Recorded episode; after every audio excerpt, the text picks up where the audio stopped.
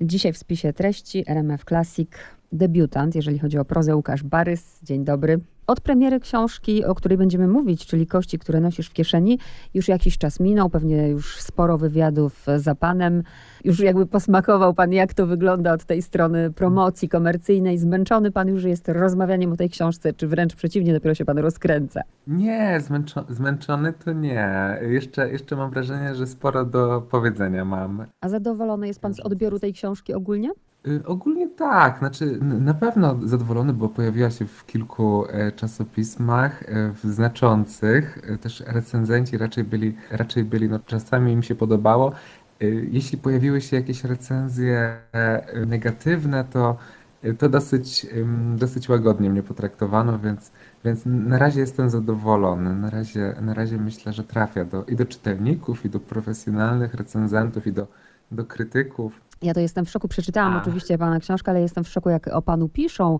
Nawet gdzieś tam porównania do Szulca, że w ogóle taki debiut, że to już w ogóle wróżą tam panu nie wiadomo jaką karierę, więc wow, naprawdę gratuluję. A proszę coś o sobie więcej powiedzieć, bo ja tylko tyle wiem, co mam tutaj na skrzydełku, prawda?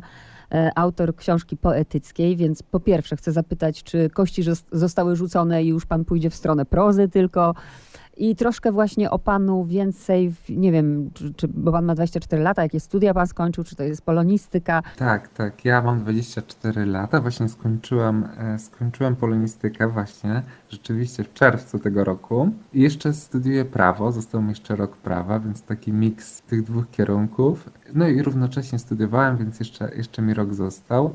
No i, i właśnie na polonistyce interesowałem się kilku, też kilkoma rzeczami, które w tej książce zostały poruszone, na przykład takim trochę przyrodą w literaturze, trochę, trochę przedstawieniami różnymi miasta, łodzi, łódzkich, łódzkich środowisk, czy, czy, w ogóle, czy w ogóle topografii tej około łódzkiej, więc to jakoś to, co y, na studiach robiłem, czy y, to, to, co czytałem, jakoś znalazło odzwierciedlenie w tekście. No a poza tym to mieszkam w Pabienicach i to miasto jest jakby też bohaterem książki, czy bohaterką, więc, więc mam dosyć duże rozeznanie w tym, w tych terenach, czy w tej, czy w tej topografii miasta, o, o, której piszę. A proszę powiedzieć, czy to jest tak, no bo najpierw ta poezja, więc chcę wiedzieć, jak, jak to jest. Czy w pewnego dnia Łukasz Barys się budzi i myśli sobie, a to spróbujemy z prozą? W początku tak od dzieciństwa i tak może od, od w czasach nastoletnich to raczej opowiadania y, pisałem, więc raczej prozę i to było moje marzenie, marzenie zawsze, żeby żeby, żeby prozą pisać, żeby y, pisać właśnie popularne książki, które ludzie będą czytać. Na początku w dzieciństwie to fantastyka taką typową, a później bardziej ob, obyczajowo-społeczna. A ta poezja to właśnie trochę, trochę przy okazji się pojawiła, trochę, trochę tak w liceum, no i, no i okazało się, że całkiem, całkiem do, dobrze mi ta poezja zaczęła wychodzić, przynajmniej y, na kilku konkursach czy, czy kilkunastu dostawałem y, nagrody. No i pojawiła się szansa, żeby ten tomik wydać. Tomik był tak jakby zbiorem wierszy z konkursów różnych, ułożone, ułożone były w taki, wspól, taki wspólny blok tematyczny. Więc mm, no ta, ta, ta poezja też, też się pojawiła, też wiele osób w ogóle widzi we mnie poetę bardziej, bo mówią, że tak y, wiele osób mówi, że ta książka Kości, które nosisz w kieszeni też ma w sobie taki ładunek y, liryzmu czy, czy poezji, że, że może być y, czytana też poniekąd jako poezja. Ona ma w ogóle każdy ładunek. E, tak jak pan pisze na jednej ze stron, ciemność, światłość, Gondor, Mordor, to jest właśnie, powiedziałabym o tej książce tak, że tu jest wszystko. Zanim wprowadzimy troszeczkę, bo czytelnik wiadomo potrzebuje, żeby go wprowadzić w fabułę, to też jestem ciekawa, co pan na to, jak się, no i krytycy na szczęście, ja zawsze mówię na szczęście, nie jestem krytykiem, tylko promotorem literatury, mhm. krytycy zaraz szukają, prawda? I pojawia się Barys i od razu dewocje ciarkowskiej, e, e, Jelinek Dzieci Umarłych, Myśliwski Kamień na Kamieniu. I cały czas szukanie tych, tego, tego, echa i odzwierciedlenia. I teraz pytanie, czy dla pana to jest na przykład komplement, czy pan wtedy się denerwuje i nie, wcale nie, wcale nie miałem na myśli dewocji, wcale nie miałem na myśli dzieci umarłych, ja po prostu jestem Łukasz Barys. No taka, taka dusza badacza literatury, jak, jakiś tam, który jakiś pierwiastek we mnie jest, to y, zawsze się cieszy, bo ja też często jak piszę, to też myślę o tym, czy skąd te, skąd te pomysły, czy one, aby, czy one nie są zbyt podobne do tego co, tego, co znam z literatury, czy to nie jest jakiś mini plagiat. E, no na pewno im, im bardziej takie nobilitujące porównania, tym bardziej się cieszę. Jak pani wspomniała o, o Bruno Schulzie, mhm. E, czy, czy o Tokarczuk, czy o Myśliwskim. E, dewocji przyznam się nie czytałem przed napisaniem, po napisaniu książki dopiero, więc, więc te podobieństwa takie mimowolne może. Ale y, nie, raczej, raczej się cieszę. Raczej zawsze też mnie to interesuje, do kogo, do kogo zostanę porównany i czy y, czasami, czasami te, po, te porównania są wręcz dla mnie zaskakujące, bo, bo sam bym się nie spodziewał, że z takich książek czerpałem. Szczególnie jeśli ich nie czytałem w ogóle, ale czasami chyba tak się zdarza, że można czerpać z jakiejś książki, nawet jej nie przeczytawszy. Więc... Oprócz legendy, do której dojdziemy w swoim czasie, ale właśnie to z czego pan czerpał? Bo żeby napisać książkę, jak to mówią, trzeba najpierw sto przeczytać. Na przykład y, tak, no to może y, wymieniłbym y, jedną poetycką, albo wręcz korpus poezji Tkaczyszyna Dyckiego, mm -hmm. takiej poezji o cmentarzach, o zmarłych, o swoich o swojej rodzinie, o swoich korzeniach, ale też o chorobie, o, o szaleństwie, o cierpieniu, takiej przejmującej, ale jednocześnie z humorem, jednocześnie, jednocześnie y, y, z czarnym humorem. No, mógłby być ten myśliwski. Mm, to wi- bardzo, wi- bardzo to czuć. Tak, y, tak, no właśnie, no nawet może nie poniekąd, tylko bardzo. Te, też inspiracja cmentarna, inspiracja grobem i wybieraniem nagrobka. Tak. O, to tak, to było, to rzeczywiście to była wielka inspiracja, bo tam też się zaczyna od, od poszukiwania grobu i od budowania, a u mnie to też jest, to też jest wielki problem dla jednej z bohaterek, gdzie zostanie pochowana. Tak. No i w ogóle kwestia takiej tożsamości trochę, e, trochę takiej chłopskiej. Wiele, wiele było tych książek, ale może, może, ta, może ta Jelinek, ta, też taka troszkę um, publicystyczna momentami, to, to jest ta, ta proza jednocześnie, jednocześnie wysmakowana, jednocześnie, a jednocześnie um, brutalna, troszkę, e, trochę, trochę wulgarna. Dlatego się zastanawiałam, co pan studiował, bo no, mniej więcej wiem, czym się nasiąka w szkole średniej. W szkole średniej tego myśliwskiego naprawdę nie ma. To już zależy oczywiście od nauczyciela.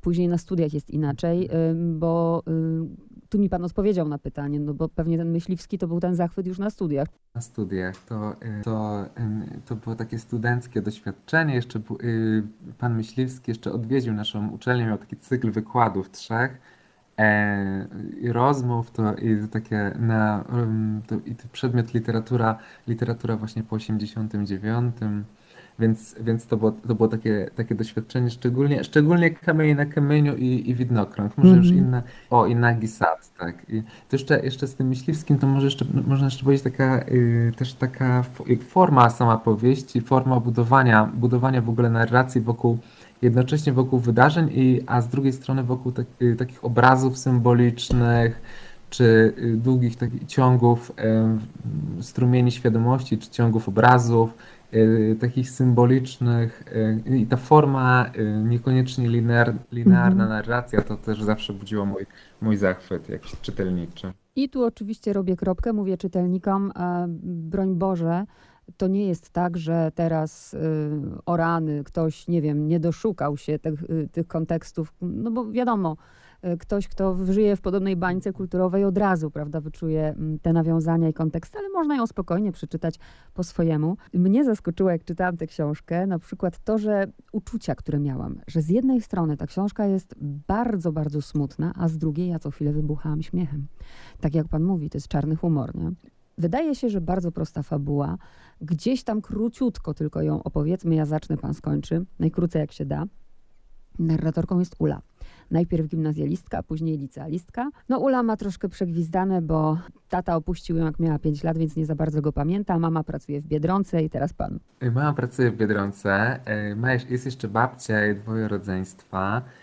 Babcia choruje na, na raka płuc, którego się nabawiła, no, nie, trochę nie, nie, nie wiadomo gdzie, no, może przez to, że paliła, może przez to, że pracowała w fabryce leków przez całe życie. No i Ula przeżywa takie przygody na, pograniczy, na pograniczu jawy i snu.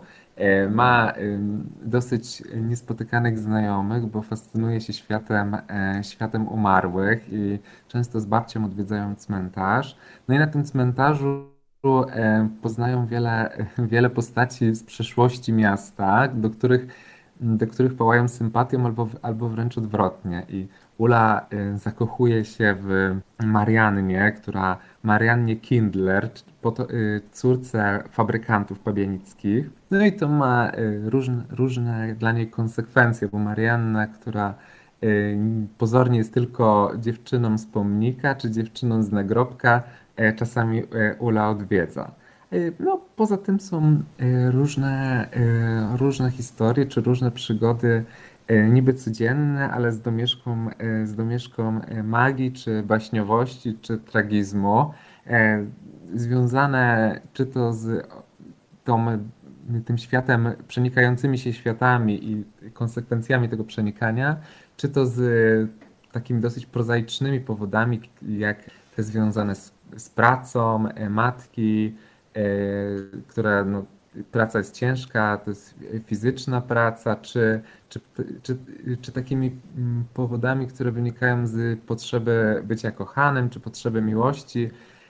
No co każdy z bohaterów właściwie w książce, każdy z bohaterek e, szuka, szuka dla siebie miłości, czy, czy tak jak Ula z Marianną, czy babcia z innym z innym fabrykantem z cmentarza, mm. czy właśnie matka z, też poszukuje no, wśród żywych, ale też ma, też ma różne perypetie, perypetie, perypetie miłosne, które czasami e, przyprawiają dzieci, e, dzieci matki o powiedzmy, e, powiedzmy o zgrzytanie zębów. Niekoniecznie podobają im się nowi, nowi partnerzy mamy, którzy czasami utrudniają im życie, czy po prostu, e, czy po prostu um, przeszkadzają. Tu jest naprawdę y, wiele wątków. 140 stron, drodzy słuchacze. Ja tak nawet pomyślałam, że gdyby, nie wiem, tę książkę, mm, nie wiem, wziąć i omawiać w liceum na lekcjach języka polskiego, to naprawdę wątków jest co niemiara tutaj do omawiania. Ja sobie wybrałam dwa, bo też jestem ciekawa, na ile pan to zrobił świadomie albo nieświadomie. Wiadomo, że najbardziej zna pan y, swoje okolice, więc te pabianice y, tutaj i historia pabianic, to za chwilę o tym, ale też się zastanawiałam, no bo dla niektórych to może być książka oczywiście o, ja nie wiem, zakłamaniu, mm, o tym, w jakich właśnie stereotypach żyjemy, e, o samotności, o podziale klasowym, który nawet jest na cmentarzu, nawet po śmierci. Mhm. Więc pytam o to, na ile w ogóle pan miał w głowie, czy to tak wyszło? Wiem, że to jest takie bardzo patetyczne i górnolotne, co teraz powiem, ale mam na myśli to, co się dzieje na przykład w naszym kraju i mam na myśli te wyraźne podziały, które są e, i pan jakby tu chce dołożyć swoją cegiełkę. Tak, tak. To mm, ta książka w jakiś sposób właśnie wynika z tego, co się mówi codziennie, o czym się mówi codziennie w w mediach publicznych, czy, czy, czy no, po prostu w mediach, czy, w dyskursie publicznym y, i ta, ta książka jako, jakoś, jakoś z tego wynika, z, chcę, tak, chcę być, ta książka troszkę chce być takim komentarzem, no, no też nie za bardzo, też, też chce być literaturą oczywiście, jakoś y, na wysokim poziomie, ale, ale w jakiś sposób ma w sobie cechy, cechy komentarza i to i y, pewnie troszkę wyrasta z, z, z, z mówienia właśnie, że w Polsce odradzają się y, takie podziały klasowe, że one są coraz bardziej wyraźne, że, no, że ludzie, ludzie biedniejsi pozostają biedniejsi, a, a zamożniejsi, e, zamożniejsi są, są, są bardziej zamożni i że niekoniecznie niekoniecznie y, młoda, dorastająca osoba, której y, co prawda kładzie się do głowy, że, że może wszystko, y, niekoniecznie tak naprawdę mm, wszystko, niekoniecznie to, to jest prawdą. No i, i ta Ula właśnie tutaj jest trochę takim przykładem tego dorastania w, no, w biedzie czy, czy w niedostatku i próby, próby właśnie wyrwania się z tej, tej biedy, nie, niekoniecznie właśnie próby, próby udanej. Więc, więc tak, tak, to, ta książka ta książka zdradza silne związki z rzeczywistością pozaliteracką. Jedna rzecz, która mi zgrzytnęła, to właśnie proszę mi wyjaśnić, bo to może być po prostu moje, chociaż staram się uważnie czytać. Mianowicie z jednej strony, bo tu trochę dopowiem słuchaczom, mamy tę Ulę, która rzeczywiście pochodzi z takiego, a nie innego domu. Ona i tak, biorąc pod uwagę, z jakiego domu pochodzi, jest nad wyraz inteligentna i pewne rzeczy widzi, ale z jednej strony, mm, jak patrzyłam na przykład, jaką ona literaturą nasiąkała, bo nikt nie miał przecież, nie miała żadnego wzorca, co czytała, jakie to było. E, za chwilę gdzieś tam pan wkłada w jej usta błąd językowy nawet, bo ona mówi, pisze coś tam. A z drugiej strony te jej komentarze są no tak błyskotliwe, bo to przecież cały czas jest ona. I ten język taki metaforyczny, więc mówię, o co chodzi? Nie umiałam tego rozdzielić. No tak, tak, tak miało być, bo właśnie to nie jest do końca książka realistyczna. Też, e, też to, to, co pani mówi, to e, kilka osób e, właśnie już to wspominało o tym, że, no, że właśnie ta Ula troszkę taka nie do końca, bo ona nie jest taka realistyczna, że to nie jest język, którym rzeczywiście mówią takie, takie osoby. Y, no, rzeczywiście, rzeczywiście, rzeczywiście nie jest. To takie e, odejście troszeczkę od realizmu, ale uznałem, że e, uznałem, że no, że, że, że, że może tak być, że jakby ten, ten realizm czy trzymanie się takie reportażowe z, albo z gruntu reporterskie tego, co tak, prawdziwego języka, czy śledzenie tego języka, czy takie studia językoznawcze nad, e, nad ulą, no byłoby to czy nad osobą, właśnie osobą z, powiedzmy, z dołów społecznych, czy po prostu, po prostu y, uboższą nastolatką, no y, według mnie nie zdałoby, nie zdałoby egzaminu, że byłoby to po prostu nie, nieco siermiężne. Rzeczywiście -hmm. Ula, Ula mówi, mówi, mówi dość dobrze, używa słów niespotykanych, pewnie w mowie przeciętnego gimnazjalisty. No, nie jest taką, powiedzmy, do końca realistyczną nastolatką, ale myślę, że w tej konwencji E, w tej konwencji nierealistycznej jakoś, jakoś to się sprawdza. Tak, Może, tak. Ja sobie to właśnie tak wytłumaczyłam, tak jak zaczęłam od, od, tego naszą rozmowę, że później, żebym ja sobie to uporządkowała w głowie i nie trzymała się właśnie tak bardzo tej strony realistycznej, że ona właśnie po tej realistycznej stronie jest taka, jaka jest, ale po tej drugiej, tak jak ta złotówka i orzełek, jak ten e, Gondor i Mordor, że zawsze są te dwie strony, które nie mogą bez siebie istnieć i wtedy... Tak, tak. Chodziło mi bardziej o to, żeby oddać jakby stan psychiczny czy stan duchowy czy stan, e, e, czy jakąś taką wrażliwość, wrażliwość nastolatki współczesnej uli, a, niekoniecznie, e, niekoniecznie o takie reporterskie śledztwo socjologiczne. Uznałem, że właśnie ta, ta poezja czy intuicja pisarska może więcej powiedzieć niż taki skrajny, skrzętny, skrzętny realizm, który czasami E, no, czasami e, coś mówi, ale, ale, tego, ale tego, jest tego jest sporo, sporo wszędzie naokoło i, mm. pomyślałem, że może w literaturze, w literatura może mówić, przynajmniej ta książka może mówić o, e, o tych sprawach w jakiś inny sposób. Podejrzewam, że też niektórzy skupią się naprawdę na tej części, tej części po prostu tej rzeczywistości, tego podziału klasowego, tej biedy, tej biedronki. Ja nie chcę się na tym skupiać, chcę pójść, bo i tak mamy mało czasu, w to, gdzie pan zaczął szukać też, bo zaczął pan szukać koło siebie. Ja w Pabianicach na przykład nigdy nie byłam, więc zafascynowała mnie legenda, o której zaraz poproszę, żeby pan powiedział. E, I też w jaki, i, i czy pan ją znał od zawsze, od dziecka? I druga kwestia, przywołuje pan, y, w ogóle Pabianice powinni tam mm, być wdzięczni panu, Pabianice powinny być wdzięczne panu za to, co pan robi, bo pan wyciąga właśnie y, to, z czego są znane. Mam na myśli Dorę, mam na myśli ostatnią miłość Franca Kawki, która tak naprawdę w Pabianicach, to ona tam chyba nie spędziła za wiele czasu, bo ona dorastała w Będzinie, ale jednak pan to wyciągnął, nie? Tak, tak. Z tą Dorą to było dokładnie tak. Y, ja miałem takie samo doświadczenie jak jedna z bohaterek, czyli Wacia, czyli przeglądałem sobie, no ja akurat y, w internecie czytałem Nowe Życie Pabianic, to rzeczywiście jest takie czasopismo, taka gazeta. I e, natrafiłem na taki artykuł, no się po prostu zafascynowałem tym, e, tym artykułem. e, to e, pabienicka, pabienicka dziennikarka, zresztą ona też mi, po, wręcz mi podziękowała za to, że jej artykuł został uwieczniony, uwieczniony w książce, hmm. więc to też, też mnie bardzo ucieszyło. Ale ta, ta historia jest dla mnie fascynująca, ponieważ no, zdradzała takie powiązanie Pabianic z,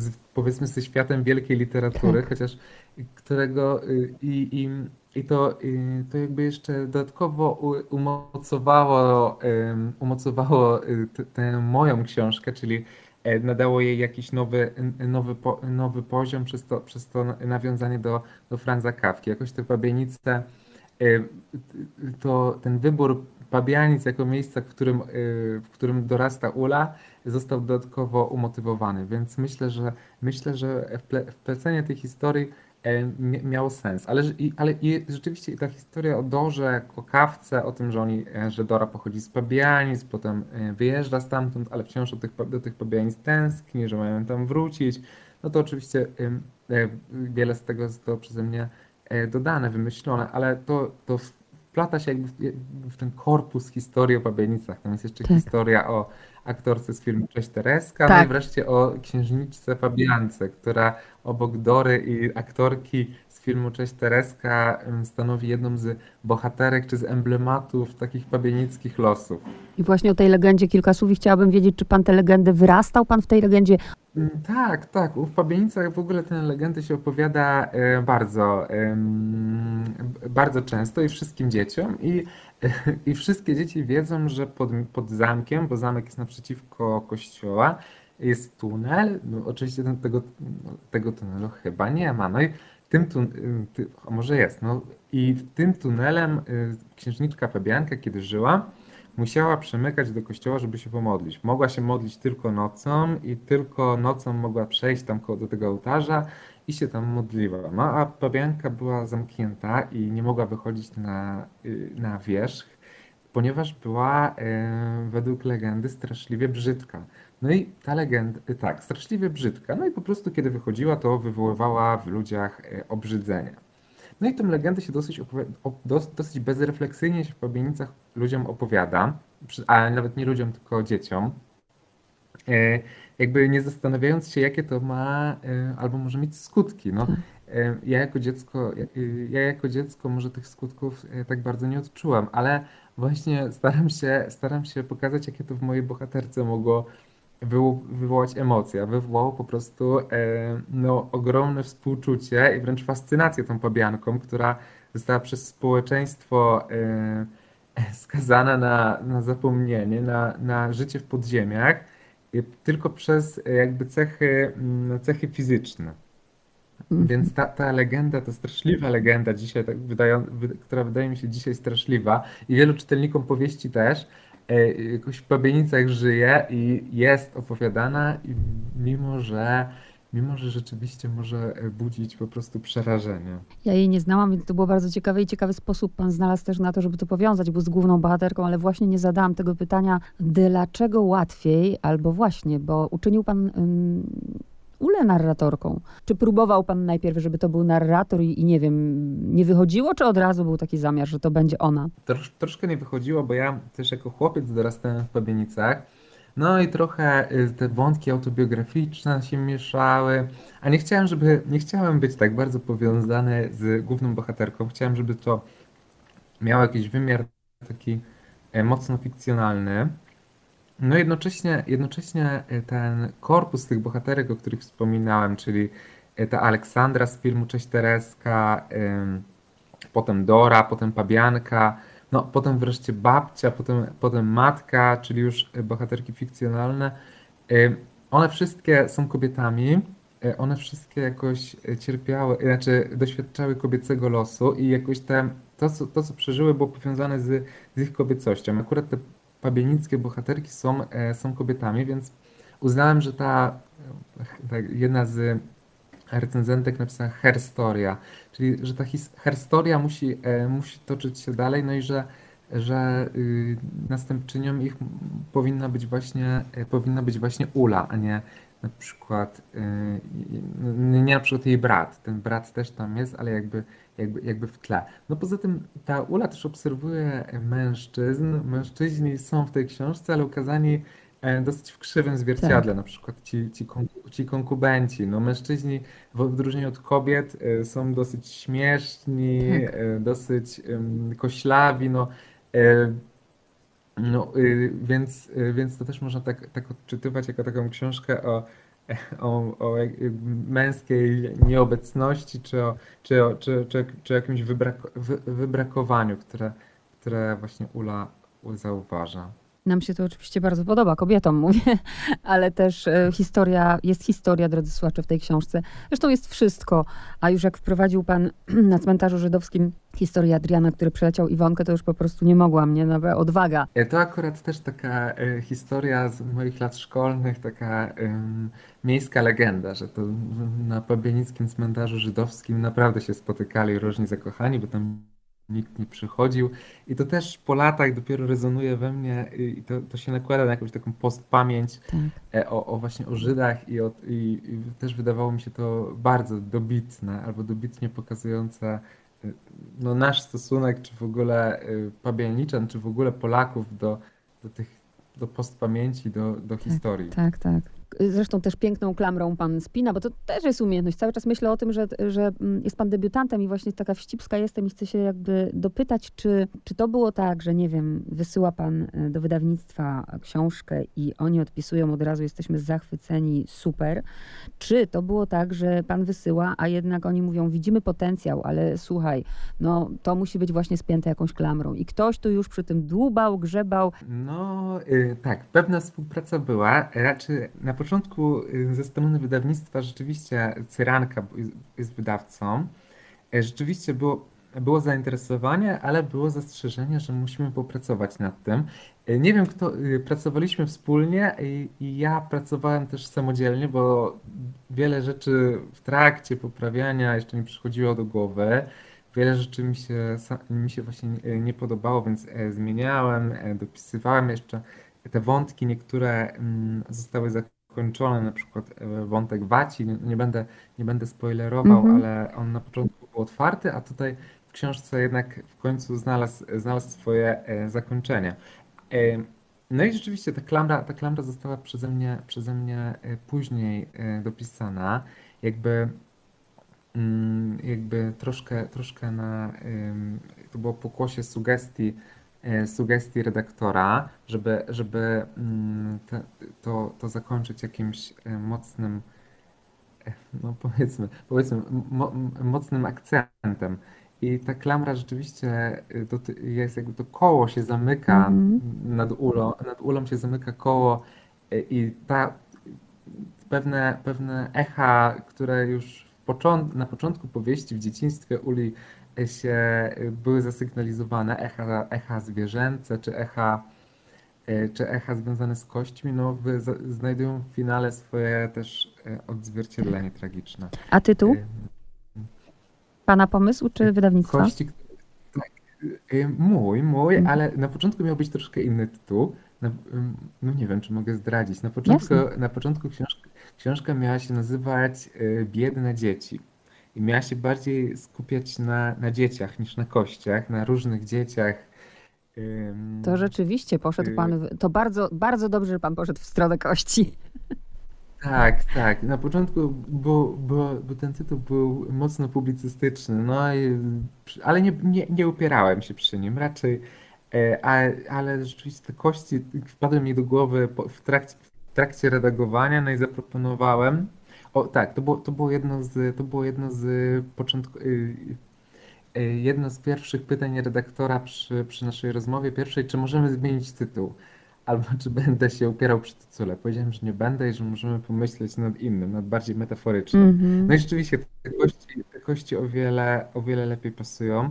I ta książka też potem została, była przeze mnie troszeczkę do tego dostosowywana. Ta, ta historia o pabiance, o legendzie, ta legenda o pabiance znajduje swoje też kościste, Mhm. e, kościste zakończenie, bo już o tym, o tym, o pogrzebie pabianki czy jej śmierci e, nie mówi się w Pabienicach, czy o pogrzebie poza murami miasta jak u mnie i o i o rzece, która wybiła w kościach. A rzeczywiście też taka rzeka jest. Ja tam na polach jest taka rzeka, taka wręcz stróżka, e, pabianka, no i wokół tych tam są pola, za, pola są za cmentarzem. No więc to, to są rzeczy, rzeczywiste, rzeczywiste rejony. I tu nie zdradzamy, tu sobie słuchacze sami sobie przeczytają y, symbolika kości, symbolika kamienia. Właśnie tutaj duże pole pan zostawia. A ostatnie pytanie jest takie, no trzyma pan, nie wiem, w księgarni, widzi pan Łukasz Barys, powieść y, i teraz idzie pan sobie przez Pabianicę, nie wiem, spotyka jakąś swoją nauczycielkę, wydał pan powieść, tam już pana rozpoznają, wiwatują. Jak się pan tam czuje w tych Pabianicach? No, Pabianice nie, nie są wbrew pozorom takie małe. Mo, w mojej powieści są... Y, reakcje są różne. Niektórzy pabianiczanie są zachwyceni, a wręcz, e, no chyba większość tych, która czytała, e, z tych, którzy czyta, czytali, są e, zadowoleni, zachwyceni, że mogą czytać książkę, która, z którą wędrują po prostu przez, przez miasto, widzą jakieś, mm, widzą coś ze swojej, coś ze swojej przeszłości, czy, czy tacy, którzy na przykład wyemigrowali z Pabianic, to widzą swo, swoje dzieciństwo, więc no więc tak, są zachwyceni. Jeden, chłop, jeden e, chłopak w moim wieku powiedział mi na spotkaniu autorskim, że wręcz rozpoznaje e, rzeczywiste postacie w bohaterach, więc że są mm. dobrze odmalowani, ale jednocześnie jedna z czytelniczek e, napisała, że,